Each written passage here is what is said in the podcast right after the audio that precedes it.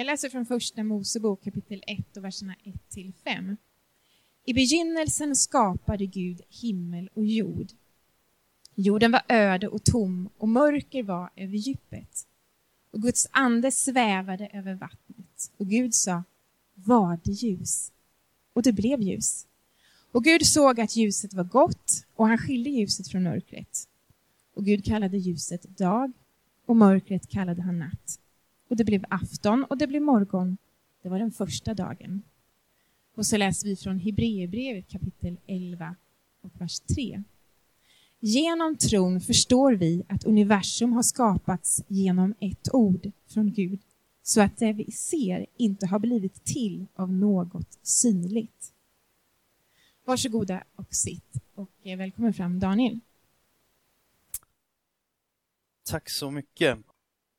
Kan man vara och läsa det här, läsa skapelseberättelsen och vi kommer ju ta och beta av hela första Mosebok under den här våren och, och, jag är väldigt glad för det. Men bara så här, kan man vara fullt ut bibeltroende? Då kan vi prata om vad det innebär, så där, men vi kanske kommer in på några av bitarna. Men om vi nu bara låter den vara där, så kan man vara på något sätt liksom fullt ut bibeltroende och samtidigt intellektuellt hederlig. Ehm, och jag tänker att det kan man nog vara. Den här texten som Linda läser, det är skrivet på ett sätt så att till och med ett barn kan förstå. Samtidigt så vet vi att det fascinerar bibelforskare och har gjort i tusentals år.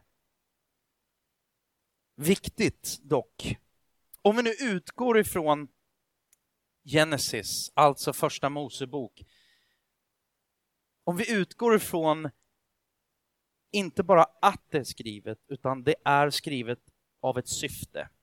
Syftet är inte ett vetenskapligt nat naturvetarperspektiv eller att, att ge svar utifrån ett vetenskapligt perspektiv, utan utifrån ett teologiskt perspektiv.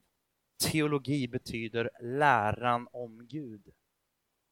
Och eftersom Gud är, enligt Bibeln, sen kan ju du vara en annan mening, men jag kommer att, att tala lite grann som att vi, vi, vi förutsätter, precis som, precis som, som författaren av Första Mosebok, han förutsätter att när vi läser det här så är Gud en självklarhet. Nu gäller det bara att lära känna den här guden. Det är vad Första Mosebok och Bibeln egentligen handlar om. Och för den skull så skulle jag vilja säga så här att återigen, för att beskriva vår verklighet så behöver vi både teologi och vetenskap. Och de, i min värld och i Bibelns värld, så ser jag aldrig att de står emot varandra, utan snarare kompletterar varandra. Och jag tycker nästan det är lite som, som att det verkar som att ja, men ett universum som är oändligt stort och ändå utvidgas det oändligt snabbt. Det är så här, okej, okay, sug på den en stund. Inte för länge för då drunknar du. Men någonstans bara så här, när jag läser om skapelsen och Gud som placerar ut stjärnorna med sina fingrar och det står väldigt vackert målat. Eh, man målar en bild liksom sådär och så var det exakt så han gjorde fysiskt. Det är inte vad Bibeln vill säga, det är inte poängen, utan poängen är att det är en väldigt stor Gud som ligger bakom allting. Um, men det är nästan som att Gud mitt i den här skapelsen, jag har skapat allting och jag såg att det var gott. Kom igen! Vetenskapsmän, vad ni nu kallar det, sök! Utforska! Var ni än hittar så kommer ni ändå hitta, det kommer bara skapa fler frågor och, och, och bara sök! Kom igen! Amen, kom igen, kan inte bättre. Ni har nått till Andromeda-galaxen här nu. Kom, kom, kom igen, lite längre kan ni. Um, jag tror på, på Bibelns teologi. Och jag tänker att skapelseberättelsen, den gör plats för och förbereder en väg för det vetenskapliga. Eh, jag ska titta lite på det, sådär. Men, men, men det är ju bara uppenbart att författaren här, han, han visar, men det är inte bara en slump allting. Det är inte en, en bara chans att det har blivit så här, utan det finns logik och ordning i universum. G, liksom Eh, faktor, inte G-punkten kanske en del tänker, men G-faktorn 9,82. Vad blir det, Filip? 9,82 meter vad säger man? Ja, ja, enheten där glömmer jag bort. Men, men Ja, och vad är det för enhet? Äh, vi lämnar det. Det bara försvann, men, men underbart. Det är en konstant. Det är G-faktorn, helt enkelt. Gravitet, inte graviditet. Eh, det är också något annat. Eh, ja, men alltså, Bibeln svarar ju inte på alla vetenskapliga frågor. Utan det Bibeln gör, det författaren gör, han svarar på frågan om vem Gud är. Han börjar måla bilden och det är det som är grejen. Och det är lite som sådär, ja men jag tappar bort nycklarna hemma. Det är ju inte så att även om jag, ja, kallar mig då för, eller jag tänker att, jag, jag, jag tänker att Bibeln är, är Guds ord, så är det inte så att bara, jag har tappat nycklarna. Nu ska jag söka i Bibeln och se vart mina nycklar är. Det är ju rätt ologiskt och irrationellt. Det finns förmodligen någon slags god orsak, eller dålig orsak, men naturlig åtminstone, orsak till varför det händer. Och ibland så tänker man så här, ja men det var, eh, ja kanske inte nycklarna, men det var Gud eller djävulen som, som gjorde det här. Och så, så, så blandar vi in saker som, som kanske inte, det blir inte riktigt sunt helt enkelt. Jag vet inte hur det funkar med dig, men jag tänker att Gud får rätt mycket skit för saker han inte har gjort. I mitt liv är det nog så. Han, ja, det är lätt att det blir så. Så ett då, textens bakgrund. Eh, under antiken så, så hade man ju helt andra frågeställningar. Man hade en annan världsbild. Man hade väldigt mycket myter som på något sätt skulle göra det vi slänger oss på och kastar oss på vetenskapen. Eh, det är de, de behoven de ska fylla då, vetenskapsmännen i våra liv, man ska veta och man ska förstå och förklara hur världen kom till och hur den fungerar. På den tiden hade man myter och man kan ju inse här ganska snart att för Israel och israeliterna och, och, och det som framstår som, som Guds folk och de som skrev det här, eh, helt plötsligt så bara, men det är nog i kontrast till de här myterna det är väldigt tydligt att det här inte framstår som en, en myt bland många myter. Men, men det är ändå så här, svara på frågorna, vem regerar och vem har skapat allt det här? Eh, Bibeln beskriver en Gud som existerar före allting. Här, ja. Han är utanför tid och rum. Gud är skaparen av allting och allt vad Gud skapar är gott. Och faktum är att hela skapelsen, hela universum vittnar om, om Guds godhet. Och vi tänker ju direkt så här, skapelse, då tänker vi på ja, men det är materia, struktur, orsak och verkan.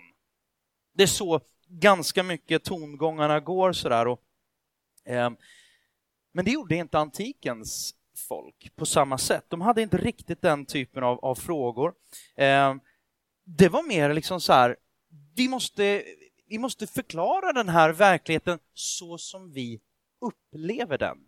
Inte bara så här, ja, hur kom den stenen till? Utan mer liksom den här lite, kanske djupare frågor på ett sätt. Vem regerar i världen? Hur fungerar världen? Vad är syftet med att jag suger luft här?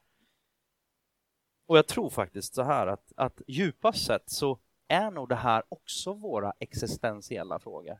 Vi kanske inte lever med dem, vi kanske liksom eh, väldigt sällan tänker på de frågorna, men, men jag tror att de flesta av er skulle ändå hålla med om, även om det är någon som är, känner liksom, man är liksom väldigt begeistrad över just hur många dagar det tog för Gud att skapa världen. Var det verkligen sex dagar, var det 6 000 år eller 6 miljoner år eller 4,3 miljarder år? Det svarar inte Bibeln på. Ja, men du säger du, eh, Bibeln talar ändå om, om sex dagar eller om sju dagar, men sjunde dagen var en vilodag. Det kommer nästa vecka, det blir väldigt bra. Sabbatsdagen, vila. Mm det blir bra, liten cliffhanger. Men frågorna är ju egentligen, vem har kontrollen? Vad är poängen med allt det här? Varför är jag rädd och orolig? Det är ju lätt att inte vara rädd och orolig när allt går bra. Kaching, cashen rullar in. Men när skiten hamnar i fläkten, vad gör du då? Då blir man ju rädd och orolig. Hur kan jag vara trygg och lycklig? Ska världen verkligen vara så här? Hur var det tänkt att vara från början? Vad var det som gick fel? Och den här huvudfrågan som Bibeln liksom på något sätt rinner upp till. Vem kan rädda oss och ställa allt det här till rätta? Det är ju det som Bibelns syfte på något sätt Ja, men det är det som, som Bibeln styr mot egentligen hela, från, från början till, till slut. Det finns en teolog som heter Don Carson och det förstår för honom, men jag tyckte ändå det var lite intressant. Han menar så här att du kan vrida och vända på det och säkert ha hundra olika varianter, men han säger grundläggande finns det tre olika varianter på tre världsbilder att välja på. A. Ett öppet universum. Ett öppet universum. Det är ett universum där eh, det styrs av nyckfulla gudar eller makter. Eh, ingenting är förutsägbart, ingenting är rationellt. Vad som helst kan hända utifrån och vi stör eller blidkar de här makterna, de här gudarna. Om vi gör det här, då kommer det att regna. Om vi gör det här kommer det inte att regna. Eh, om vi gör det här så blir det inte, så blir det en naturkatastrof. Eh, vi måste blidka våra gudar. Eh, vi måste se till att, att hålla deras humör eh, liksom positivt. Eh, vi måste behaga dem. Och det är ett universum som, som vetenskapen egentligen då, eftersom det inte finns några strikta förutsättningar. Det är ett, ett, det är ett universum som, som vetenskapen inte kan förstå. Motsatsen, det är ett stängt universum. Ett stängt universum. Det är kontrollerat av en fast struktur som följer ett exakt och förväntat beteende av just det här då som vi tänker orsak och verkan. Det kan eller kanske inte då vara skapat av en gud eller en högre makt, men det fungerar av sig själv. Jag tänker det som en, en, en klocka. En klocka, urmakaren skapar en klocka, vrider upp den för första gången, sätter fart på den och den lever för evigheten, för rest av, resten av evigheten, evigheten själv. Bara mekanik och den rullar på liksom sådär. Eh, det är det stängda universum. Och den tredje biten då, ett kontrollerat, eller jag har skrivit så här, ett designat universum. Det är också skapat då med struktur och ordning. Eh, det går att förstå, går att forska på, men det uppehålls och styrs av en närvarande och god Gud som handlar i världen och styr världshistorien mot sina syften. Och du behöver förmodligen inte vara en rocket scientist, vilken jag tror, eller där vi ser liksom utifrån ett bibliskt perspektiv vilken av de här tre världsbilderna som, som Bibeln lyfter fram, jo men det är självklart ett designat och kontrollerat av Gud, universum. Inte med det sagt då att Gud styr precis allting. Ja, men nu var det han som styrde mitt vänstra ben att ta en, en, en, en, en vänstersväng här nu då. Eller eh, det var Guds fel att jag gick över eh, övergångsstället och blev påkörd av en cykel. Eller det var Guds fel att jag förlorade mina nycklar. För att jag la dem i, i någonstans där jag inte tänkte efter riktigt. Som sagt, Gud får en massa skit för saker han inte har gjort. Men det som blir kon, kon, kon, konsensus, höll jag på att säga, eh, konsekvensen säger man, eh, av det här, det är att, ja men, det blir lite snyggt så här, history, det är ju his story. Guds story, Guds handlande i världshistorien, det är ordning och reda. Eh, men han har inte bara satt igång den här klockan och sen dragit sig tillbaka, någon slags deism, utan vi tänker teism där Gud involverar sig. Han är engagerad mitt i historien och gör det till his story. Ehm, och när vi kommer till skapelsetexterna här nu då i första Mosebok så står det ju så här, Gud sade och det var det. Gud gjorde och det blev och det blev morgon och det blev kväll den första dagen. Ehm, vi har åtta åtta stycken kreativa akter som alla börjar med Gud sade, om man läser hela skapelseberättelsen. Ehm, bara lite fakta sådär då kring skapelseberättelsen. Vi har ju inte läst hela då, men de första tre dagarna skapar Gud, han skapar ordning och struktur. De första dagarna, första tre dagarna. Ehm, sen kan man säga så här, de, de kommande, följande tre dagarna fyller han den här strukturen, den här ordningen med liv eh, och innehåll. Skapelsen bär frukt, får levande varelser i hav och himmel och så på land och så sist kröner han skapelsen med människan då skapad i Guds, till Guds avbild. Så där har du liksom skapelsen väldigt, väldigt kort. Eh, intressant bara så här. Dag ett och fyra relaterar till varandra. Det står, om någon har läst i, i, i det här och så bara tänker man lite mer så på vad, vad det är som står, om man tänker lite mer då utifrån det här eh, konsekvenshållet och lite mer naturvetarhållet så bara, ja, Först skapar han ljuset, men det, det är dag ett. Låt det bli ljus och så blev det ljus. Men det är först i, i, på dag fyra som man skapar solen och stjärnorna. Det är så här, okej? Okay? Det innebär ju Gud, alltså Gud var före ljuset och på något sätt så kan man ju bara se så här, för på den tiden, de många myter pratar om att ja, men det var soldyrkan och man dyrkade solen, för det var liksom, man insåg att solen är livgivande. Men här, här på något sätt, Bibelns författare säger bara, du har glömt någonting. Egentligen solen bara reflekterar det ljus och det liv som Gud har. Det är han som har skapat allting och, och faktum är att solen kom först dag fyra, var inte ens med från början. Ehm, dag två och fem relaterar också till varandra. Andra dagen ordnas en himmel och hav då. För att sen på femte dagen fyllas av liv, djur och fisk och fåglar. Och så dag tre och sex relaterar också till varandra. Dag tre åtskiljs land från hav och landet blir växt och, eh, till, ja, tillväxt och fruktbärande och dag sex fyller han det här då med, med djur och till sist då människan.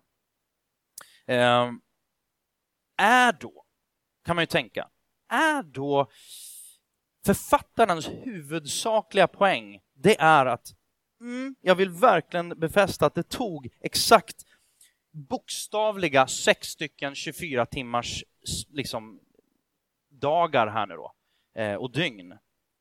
Eller är det mer ett uttryck av vem Gud är? För det första, man skulle kunna utifrån ett naturvetarperspektiv säga bara, ja men det är ju faktiskt inte förrän dag fyra som solen kommer och det är väl någonstans där som skap, liksom, om inte solen finns, hur vet vi då vad, vad, vad ett dygn är och så vidare? Och, och så kan man säga, men det kan ju varit 4,2 miljarder år däremellan. För Gud är ju en dag som tusen år och tusen år som en dag. Han är ju utom tid, så för honom är det helt irrelevant hur lång tid det tar. Det kan vi i alla fall konstatera. Eh, men då är det ju sådär, eh, för det är väldigt mycket pratandes då ibland om, tycker jag, eh, skapades jorden och världen verkligen på sex dagar. Eh, tidiga judiska och kristna tänkare och tolkare, de var bekymrade över detta också då. Men deras problem var att, alltså, är han verkligen Gud om det tar så länge som sex dagar för honom att skapa jorden? Det var deras perspektiv och vi kommer bara, nej, kunde Gud verkligen skapa jorden på sex dagar? Alltså at the end of the day, vi kommer från helt olika håll och Bibeln på något sätt, det är ju inte att bara beskriva fakta så som en naturvetare vill ha det. Om du går, det kanske, det kanske är därför jag, jag, jag, jag det tar lite tid, jag kan uppskatta jag kan uppskatta en tavla och dess djup och speciellt om jag vet storyn bakom, då kan jag så här, mm. Medan min älskade hustru, eh, om vi går på, på Louvren eller vi går på, vad heter det nu eh, Vinterpalatset i Sankt Petersburg och tittar på alla otroligt vackra målningar och, och, och, skulpturer och allt sånt där, så bara så här, ja, ah, snyggt liksom. Och så går jag vidare. Linda bara, oh, mm, som boy. Hon ser ju liksom, hon säger inte så, det var jag som sa, men, men hon, alltså en bild säger mer än tusen ord. I mitt fall så är det ungefär 150 ord. Men, men vi, vi, vi är lite olika där. Jag känner att, ja. Även om det talas om det blev kväll och det blev morgon. Jag tänker så här, poängen är ju inte, åh, det var exakt 24 timmar. Ehm, det centrala budskapet i det här, det är ju att det är en Gud, inte bara så här, ja men exakt så här gick det till. Huvudbudskapet i detta, om vi tittar på eh, hur många gånger det faktiskt står. Eh, 31 versar i Bibelns första kapitel. Gud, det här ordet Elohim, som är originalordet då, den nämns på 31 versar nämns det 35 gånger. Det, gör, det ger väl inte fingervisning om vem första kapitlet handlar om? Det är inte eh, faktabaserat på det, på det sättet.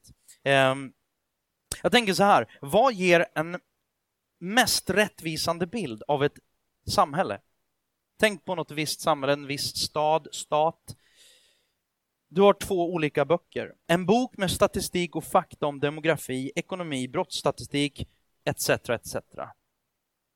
Eller en skönlitterär eller kanske biografisk skildring av verkligheten utifrån en människas eller ett par människors perspektiv där författaren förmedlar en känsla snarare än fakta.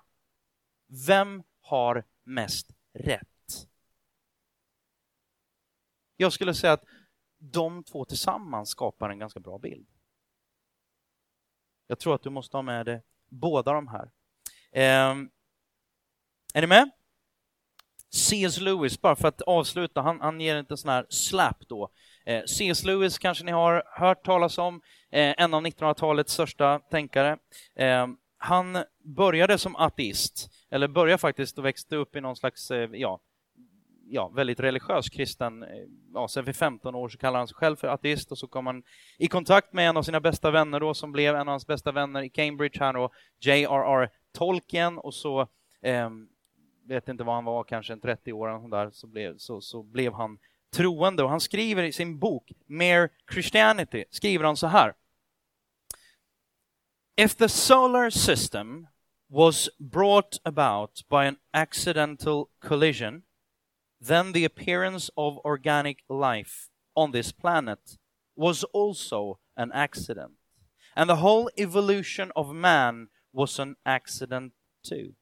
If so, then all of our present thoughts are mere accidents. The accident byproduct of the movements of atoms.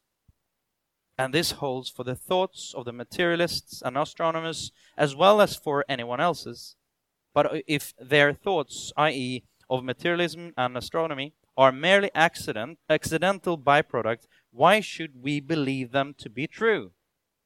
I see no reason for believing that one accident should be able to give, um, to give me a correct account of all the other accidents. It's like expecting that the accidental uh, shape taken by the splash when you upset, uh, upset a milk jug should give you a correct account of how the jug was made and why it was upset. Smart kille. Huvudbudskapet i texten och i hela Bibeln är ju inte hur det gick till främst. Även om det finns eh, långa sekvenser i Bibeln som bara beskriver hur, men inte skapelsen, menar jag. Poängen är, vem är han som skapar hur är han som person? Det handlar ju absolut mycket mer om skapelsen, eller om skaparen än om skapelsen. Ehm, de av er som har följt oss lite grann under hösten så hade vi ett tema och vi körde igenom den apostoliska trosbekännelsen. Den börjar ju mycket riktigt. Vi tror på Gud Fader allsmäktig skapare av himmel och jord. Den går inte in på några detaljer om hur det gick till. Det är inte centralt och det är inte relevant. Sen måste jag bara flika in, eh, om nu Gud skapade jorden på sex dagar, är det möjligt? Ja, vi tittar ju på, på eh, ja, men vi har vetenskapliga bevis mer eller mindre för att vi kan se att ja, men det är rätt logiskt. Bi, eh, jorden är ju äldre. Du vill bara kasta in en sån här jobbig grej. Alltså, det står att Gud skapade Adam. Han skapade ju inte ett embryo som han sen, äh, en, en, en, en, en äh, ja, men säd som, som han tog in i, i ägget och så liksom började han där, utan han, han skapade en fullvuxen man med en viss ålder. Hur gammal han var vet jag inte riktigt. Men varför skulle inte Gud kunna skapa jorden också med en viss ålder? Vad jag, min poäng är ju helt enkelt, det det rinner ner till, det är ju hans förutsättning, den som har skrivit det. Finns Gud eller finns inte Gud? Är Gud den han säger sig vara? Det är the million dollar question. Um, skaparen då? Skaparen. Vem, vem, vem är han? Och det finns så otroligt mycket att säga om det naturligtvis och, och det är det vi kommer att spendera våran eh, vår till att göra och ända till vi får komma hem till himlen en dag. Eh, men Bibeln fram, liksom framhäver, lägger fram en, en Gud som är intelligent och rationell och ett, ett universum som han har skapat som, som också är rationellt och, och, och någonstans ganska så begripligt. Eh, annars hade, om Gud var totalt irrationell, då hade ju, då hade ju G-faktorn hade inte funkat. Då hade äpplen ibland trillat ner och ibland hade de trillat upp och ibland åt sidan och, och det hade varit väldigt irrationellt allting. Men saker och ting hänger ihop. Och jag tänker så här, att kanske det är så att det osynliga, den osynliga Gudens verklighet och våran synliga verklighet, de två du, du, behöver de två för att förklara vad det är som händer och för att liksom på något sätt beskriva verkligheten. De två tillsammans bildar verkligheten. Psalm 19, vers 1-5 säger så här, eller vers 2-5 faktiskt. Himlarna vittnar, berättar om Guds härlighet. Himlavalvet förkunnar hans händers verk. Vi kan bara stanna där. Är det här poesi främst? Eller är det en naturvetare som skriver för att han vill bevisa att himlavalvet faktiskt förkunnar? Det är väl en bild av att himlavalvet bara berättar som en bild. Mer än tusen ord. Den ena dagen talar om det för den andra. Gör dagarna verkligen det? Bara du, hörru du, jag som är tisdag säger nu till dig onsdag, nu är det dags att, nu är det dags att vakna. Det är självklart inte så det sker, vad jag vet i alla fall. Den ena natten kungör det för den andra utan tal. Ja, men där kom det svaret då, utan ord. Deras röst hörs inte.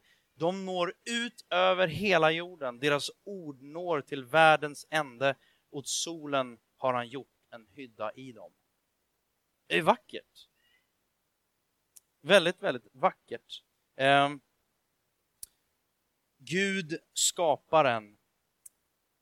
I begynnelsen skapade Gud himmel och jord.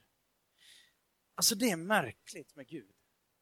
Det står gång på gång att han, han tar det som inte ser någonting, det ser inte ut som någonting och, och det ser inte ut som man kan göra någonting. Faktum är att han gör någonting ur ingenting våra mest fantastiska kreatörer på just Konstfack eller någon annan institution eller kanske blir arga om jag kallar det för en institution, men, men en, en, en plats för skapande. Den bästa kreatören skapar ju bara utav material, utav det som redan finns. Där skiljer sig Gud från oss. Han skapar ur någonting, ur det som ingenting finns.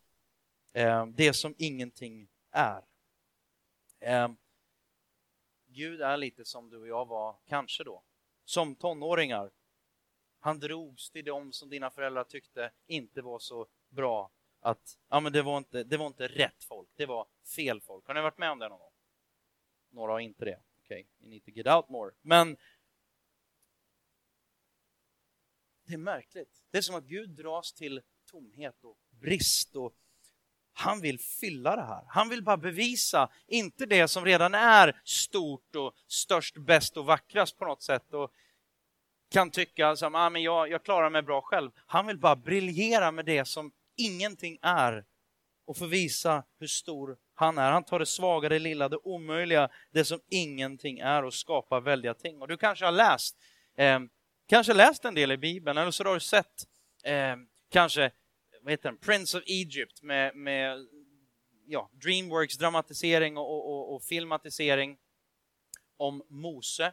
Eh, när han räddar Israels folk där. Och man kan ju liksom bara wow, vilken, vilken hjälte! Eller Abraham som blev, som Bibeln beskriver någonstans, som, som trons fader.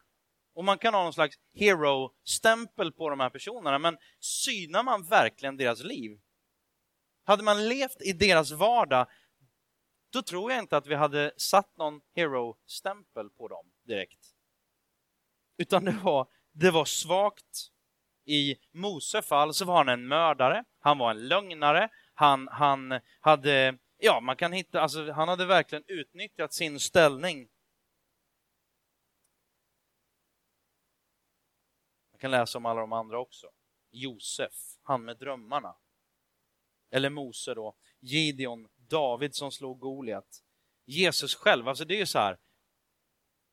Gud säger så här, jag har, jag har frälsningsplanen, jag har den, det bästa budskapet, det, det absolut viktigaste som någonsin kommer äga rum är räddningen och frälsningen, återupprättelse för, hel, för hela skapelsen som har gått lite snett här eller väldigt snett. Jag vet, jag ser till att min son föds som ett litet barn i ett stall, i en krubba, utan tv-nyheter, utan, utan liksom journalister, utan... Det är några smutsiga herdar som kommer dit och bara grattis! Vi såg några änglar här borta som berättade att det här är Guds son. Bra jobbat, kul! Och så bara händer ingenting på 30 år, typ. Alltså, är det verkligen logiskt? Nej, det är ologiskt. Och det är inte så som du och jag skulle göra det. Du och jag skulle liksom bara så här, nu ska vi verkligen lägga upp det. Vi ska lägga upp det för smash. Men Gud skapar allting ur ingenting. Och jag vill bara avsluta med det. Hur? Jo, genom sitt ord. Första Mosebok börjar att ja, men börjar med att Gud talar, Gud säger låt det bli ljust. Eller låt ljuset komma. Och helt plötsligt så, så finns ljuset. Han är ljus, ingen mörker finns i honom. Men då säger också i respons till det här Johannes evangelium, så skriver främst det här evangeliet då till de judiska, eh, den judiska populationen och han börjar med att säga så här Ordet blev, eller ordet var från början, ordet blev kött och blod. Han vill liksom bara så här det här ordet som ni vet, som vi lever av, som, som ja, den här lagen och allting de levde efter. De hade ju lager och regler och, och, och, det som utgjorde verkligen så här, det som, det som, ja, men det som utgjorde Israels folk och lät dem vara speciella på något sätt. Det tog han och bara så här, ordet som ni pratar så mycket om, han har blivit kött och blod. Och det är vad Nya Testamentet handlar om. Eh, så Gud, han talar. Han säger låt det bli ljust där det finns mörker. Eh, gång på gång på gång så, så kommer Gud in i människors liv. Och vi kan läsa Nya Testamentet om människor som är rent fysiskt då, blinda och så får de sin syn tillbaka. Och det var mörkt och helt plötsligt är det ljust. Är det där möjligt, säger du? Om Gud är Gud så är det förmodligen möjligt. Någon, och det kan man ju säga lite, lite så här poetiskt, och även om det är poetiskt så är det knappast samma sak som att det inte är sant. Det är bara en annan angreppsvinkel. En liten strimma mörker blir kvar i skapelsen, det som kallas för natt. Och någon skriver så här, det påminner oss ständigt om hur världen var utan Gud. Men varje morgon blir vi påminda om hur ljuset besegrar mörkret och vi blir påminda om skapelsens första morgon. Mörker ska aldrig mer råda för evigt. Ljuset stiger och dagen gryr och varje morgon förkunnar det och ljuset Guds trofasthet barmhärtighet och nåd mot oss människor. Mörkret viker, ljuset segrar. Och med de orden vill jag avsluta. Jag vill avsluta med en bön, men jag tänker bara så här. Hur använder vi det här? Ja, Alltifrån att jag tror att det är en del av de här frågorna som, som vi umgås med, vi, vi får, vi tänker själva. Eh, och då är det bara, vad är det vi fäster vår blick på? Jag tror att allting i Bibeln går att, att scrutinize, att, att eh, ifrågasätta och, och titta på och tränga så djupt man bara kan. Jag tror att det håller. Det har i alla fall hållit i 2000 år och jag tänker att det kommer hålla ett tag till. Men vad är det vi fokuserar på? Och vem är det vi fokuserar på? Vi är så otroligt vana vid att bara fokusera och utgå från oss själva hela tiden. Men tänk om vi skulle angripa och våga testa att angripa de här frågorna utifrån tänk om det faktiskt finns en Gud. Istället för att göra alltid tvärtom.